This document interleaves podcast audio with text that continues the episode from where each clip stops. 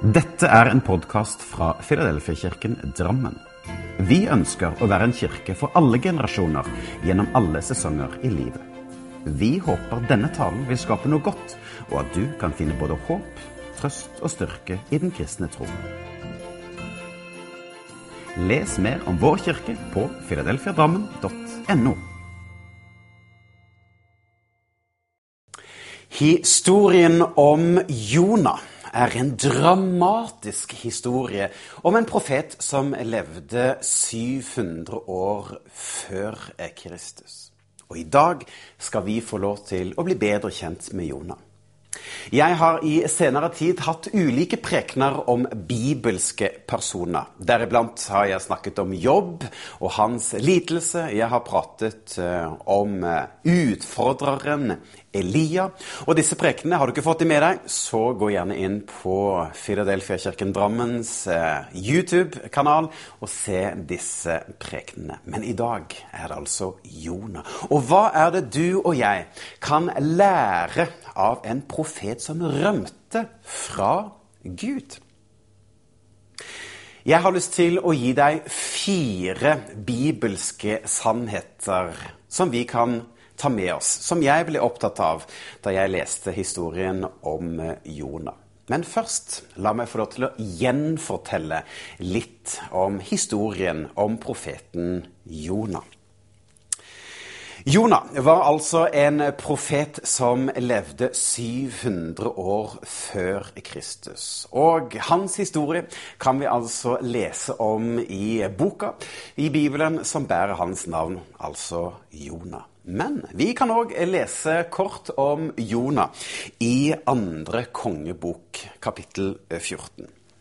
Jonah, han fikk et oppdrag av Gud om at han skulle dra til Ninive og utfordre og inspirere til å si dere må slutte med den ondskap som skjer hos dere, og vend dere om. Og eh, Ninive som byen han skulle dra til, den eh, ligger nå i der dagens Tigris eh, ligger. Og konflikten, den oppstår mellom profeten Jonah og Gud. For Jonah, han nektet å dra til Ninneve. Og han dro heller i motsatt retning ut på havet og ut mot Spania, til Tarsis. Og Tarsis det ligger da i området rundt dagens Gibraltar. Så han satte seg fore om å dra langt unna, så langt han uh, kunne komme unna fra dette Israel som han skulle eh, som han bodde i. Men han skulle da egentlig reise mot øst, men eh, valgte da å dra vestover. Jonah han går om bord i dette skipet, og når det kommer ut på åpent hav, så kommer da en fryktelig storm. Eh, og eh, Jonah, som har lagt seg eh, under dekk for å sove, blir vekket av kapteinen, som sier, 'Hva går av deg? Hvordan kan du ligge her i dyp søvn? Stå opp og rop til din Gud. Kanskje han vil hjelpe oss, så vi ikke drukner.' Så fortalte da Jonah om at han hadde flyktet bort fra Herren. Og Jonas sa, dere må kaste meg over bord, ut i havet. Da vil stormen gi seg. For jeg vet at det er jeg som er skyld i denne kraftige stormen som har rammet dere. Herren valgte da ut en stor fisk som skulle sluke Jonah. Og Jonah var i fiskens buk i tre dager og tre netter. Og da, da ba Jonah til Herren sin Gud fra fiskens buk og sa:" Jeg roper til Herren i min nød. Så takket Jonah Gud. Herre, du svarte på min bønn fra dødsrikets dyp. Da talte Gud til fisken og spydde da Jonah opp på tørt land. Så talte Herren til Jonah for andre gang og sa, gå til den store byen Ninive, forkynn det budskap jeg gir deg. Da gjorde Jonah som Herren hadde bedt han om, og han gikk til Ninive. Folket i Ninive fikk høre det Jonah sa, og da trodde de på det Gud hadde gitt til dem. Så ropte de ut en faste, både liten og stor, kledde seg i sørgeklær. Da Gud så hva de gjorde, så vendte de seg bort fra denne ondskapen. Så Vanligvis så stopper historien her om historien om Jonah. Men jeg syns det er en interessant avslutning på denne historien som vi òg kan lese om i kapittel fire. For da står det at da Jonah Men Jonah ble da rasende over at Gud ombestemte seg og ropte da på Herren. Å Herre!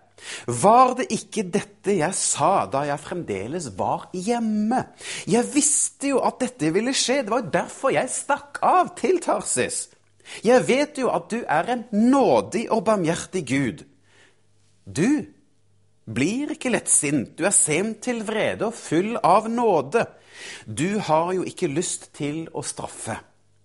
Det jeg sa til folk i Ninive, det skjedde ikke. Derfor ber jeg deg, Herre, om å ta mitt liv, for det er bedre for meg å dø enn å leve. Da sa Herren, hvorfor blir du så sint? Da gikk Jonah ut av byen, og der lagde han seg en hytte og satte seg i skyggen av den. Og derfra kunne han se hva som skjedde med byen. Men Gud lot det vokse opp en plante som eh, vokste over Jonah, så han eh, kunne få skygge over hodet for å gjøre han mindre irritert. Da solen steg på himmelen, så lot Gud en glohet vind komme fra øst, og solen brant på hodet til Jonah, så han holdt nesten på å besvime. Ja, men det er bedre at jeg dør enn å lever. Enn å leve. Da sa Gud til Jonah, hvilken rett har du til å bli sint for at planten ble borte. Og Jonas svarte, 'Jeg har full rett, jeg er så sint at jeg har lyst til å dø.' Og da svarte Herren, 'Hvordan kan du føle slik for en plante?' Du har ikke gjort noe for at den skal vokse, eller verken plantet den eller vannet den. Vi skal altså fortelle fire sannheter, men først av alt så må jeg få lov til å si at det er flere bibelforskere som kritiserer denne historien pga. denne fisken. Hvordan kan da en fisk sluke et menneske? Eller hvordan kan altså et menneske overleve tre dager i en fisk? Jeg har ikke lyst til å svare eller kommentere noe mer enn dette, men det fins altså noen som har noen utfordringer med denne historien, og derfor betviler dens autentisitet. Men uansett, Bibelen forteller denne historien, og jeg har lyst til å ta tak i fire sannheter som vi kan ta med oss. For punkt én Historien om Jonah forteller om en profet som rømte bort fra Gud og hans vilje for ham.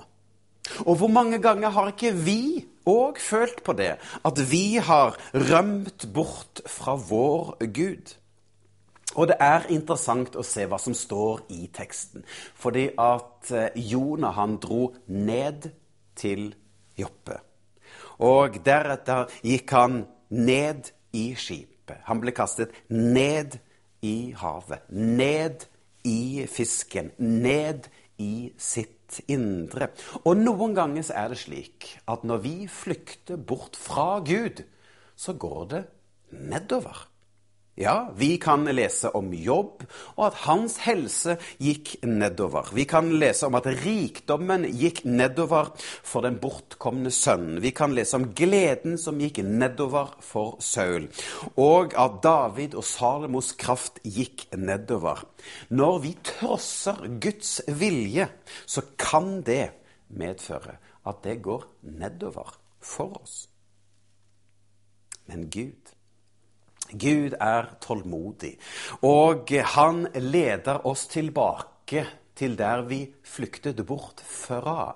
Og der gir han oss en ny sjanse. For Gud møter oss der.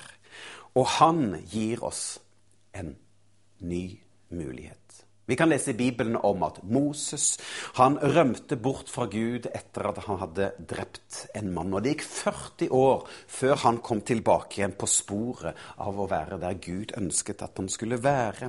Elia tok og rømte bort fra dronning Jesibel og ønsket å dø, men Gud ga han ny kraft i dette mørket. Vi leser også om Peter som eh, fornektet eh, Jesus, men han òg fikk en ny kraft sjanse.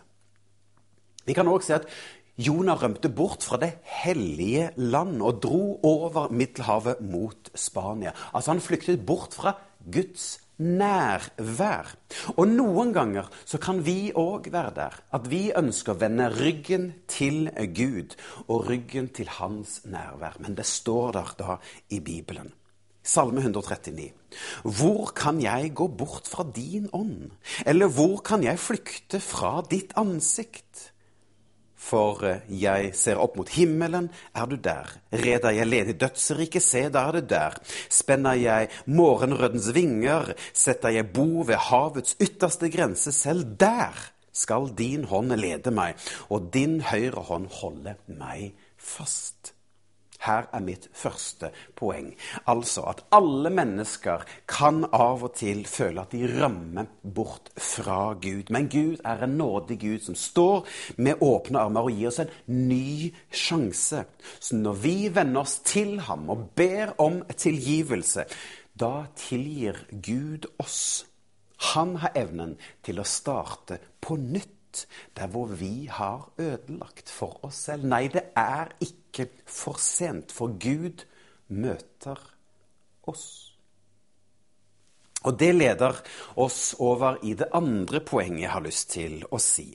Hvordan eh, Jonah hadde sin anger og sin omvendelse, men òg hvordan Gud møter oss i det. Det står at da ba Jonah til Herren sin Gud fra fiskens buk og sa, Jeg roper til Herren i min nød. Så takket Jonah Gud, Herre, du svarte på min bønn fra dødsrikets dyp. For Jonah, han anerkjente sitt opprør, sin motstand mot Gud. Og på samme måte, vår bekjennelse og vår omvendelse er viktig. Vi trenger å vende oss til Gud og sette ord på vår anger. Og Bibelen sier, Salme 147, han helbreder den som har et knust hjerte, og forbinder deres sår. Eller i Salme 34 at Herren er nær hos den som har et knust hjerte. Han frelser dem som er knust i sin ånd. Det kan komme mange slags plager og problemer i livet, men Herren hjelper dem som vil leve for ham. Gud vil være med dem og bevare dem. Ja, vi kan alle bli flau for våre feiltrinn, synd eller at vi vender oss bort fra Gud.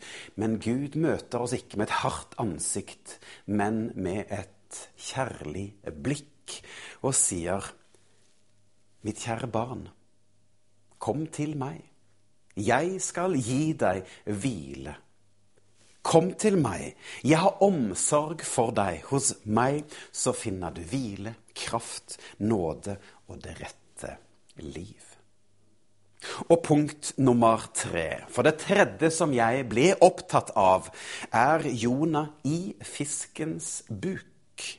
Hvor lenge var Jonah i fiskens mage? Jo, det står tre dager og tre netter. Hvor lenge var Jesus i dødsriket? Jo, den tredje dag så står han opp igjen. Og Jonah han blir på sett og vis et forbilde for Jesus. Og Jesus han bruker å si dette selv når vi da leser i Matteus evangelium. For Jesus han sier Jonah var inne i magen på den store fisken i tre dager og tre netter. På samme måte skal menneskesønnen Altså menneskesønnen er dette ordet Jesus flest ganger bruker om seg selv. På samme måte skal menneskesønnen være i jordens indre i tre dager og tre netter. Vi leser om at Gud sendte den store fisken for å sluke Jonah. Det var en inngripen fra Guds side. Og slik er det òg med Jesus. Det var en inngripen fra Guds side, noe som var planlagt fra tidenes morgen, om at Jesus skulle bli slukt av døden, men å overvinne døden og bli spyttet opp igjen på landet, slik som Jonah, for å gi menneskeheten et nytt og et evig liv. For Gud møter oss. Så gjennom Jesu død og oppstandelse så møter Gud oss. Det står i 1. Johannes brev at Gud viste sin kjærlighet til oss ved å sende sin eneste sønn til verden. Det gjorde han for at vi skulle få liv på grunn av ham. Kjærligheten kommer først og fremst av det faktum at han elsket oss først så kan vi elske ham tilbake. Han elsker oss så høyt at han lot sin sønn ta straffen for våre synder. Og da til det fjerde poenget jeg hadde lyst til å fortelle om i dag. Og dette er mot slutten av Jonas' historie, for at Jonah blir irritert på Gud over at han hadde medlidenhet og kjærlighet overfor folket i Ninneve. Fordi at i Ninive, i denne store byen i det asyriske imperiet, så flommet det over av ondskap. Men Gud ønsket at Jonah skulle utfordre dem til å slutte med sine onde gjerninger. Og det gjorde de. Og Gud, han er nådig. Han elsker alle mennesker og vil at alle skal få lov til å komme hjem til ham. Så hva tenker du om denne tanken? Om at Guds kjærlighet er for absolutt alle. Ja, til og med de som du føler er dine motstandere og dine fiender. Er du glad for at Gud elsker alle? For eh, er det ikke slik at av og til så kan vi bli litt irritert over at mennesker står oss i veien? Eller føler at det er noen som ikke liker oss. Og da kan vi bli irritert på dem. Men Gud, han elsker dem. Han elsker alle mennesker. Og på samme måte burde vi òg elske alle mennesker. Og Husker du da denne planten som da vokste over Jonah? Og Jonah han ble irritert over denne planten. Den døde. Og jeg ser for meg at Gud rister på hodet over hva Jonah er opptatt av. Han er mer opptatt av sine egne saker. Om denne planten som nå er borte, og blir irritert over det. For noen ganger så blir vi så nærsynte og navlebeskuende at vi er så opptatt av oss selv, av mitt og det jeg har, at vi glemmer Guds perspektiv. At Gud er like glad i alle mennesker. Og på samme måte skal du og jeg òg være barmhjertige, kjærlige og vennlige mot alle mennesker. Og hør hva Bibelen sier. Hva kjærlighet er, har vi lært av at Jesus ga sitt liv for oss. Derfor skylder vi å gi livet vårt for hverandre. Vær den som har det godt i denne verden. Men den som ser på en annen er i nød, er å lukke hjertet sitt ved å se en annen vei kan ikke ha Guds kjærlighet i seg. Mine kjære barn, la oss ikke bare vise kjærlighet med det vi sier, men la oss vise sann kjærlighet i handling. Og det er det jeg vil lande på i dag. Og oppsummere med å si at Gud møter oss. Gud møter oss med et nådig blikk, selv om vi rømmer bort fra ham. Og når vi kommer med et ydmykt hjerte, så tilgir han oss. Gud ga sin sønn for at vi skulle få lov til å få fellesskap med ham og få en ny sjanse, slik at vi kan få lov til å få det evige liv her på jord, men òg den dagen vi avslutter vårt liv her men òg for at vi kan få lov til å dele hans kjærlighet med de mennesker som vi møter.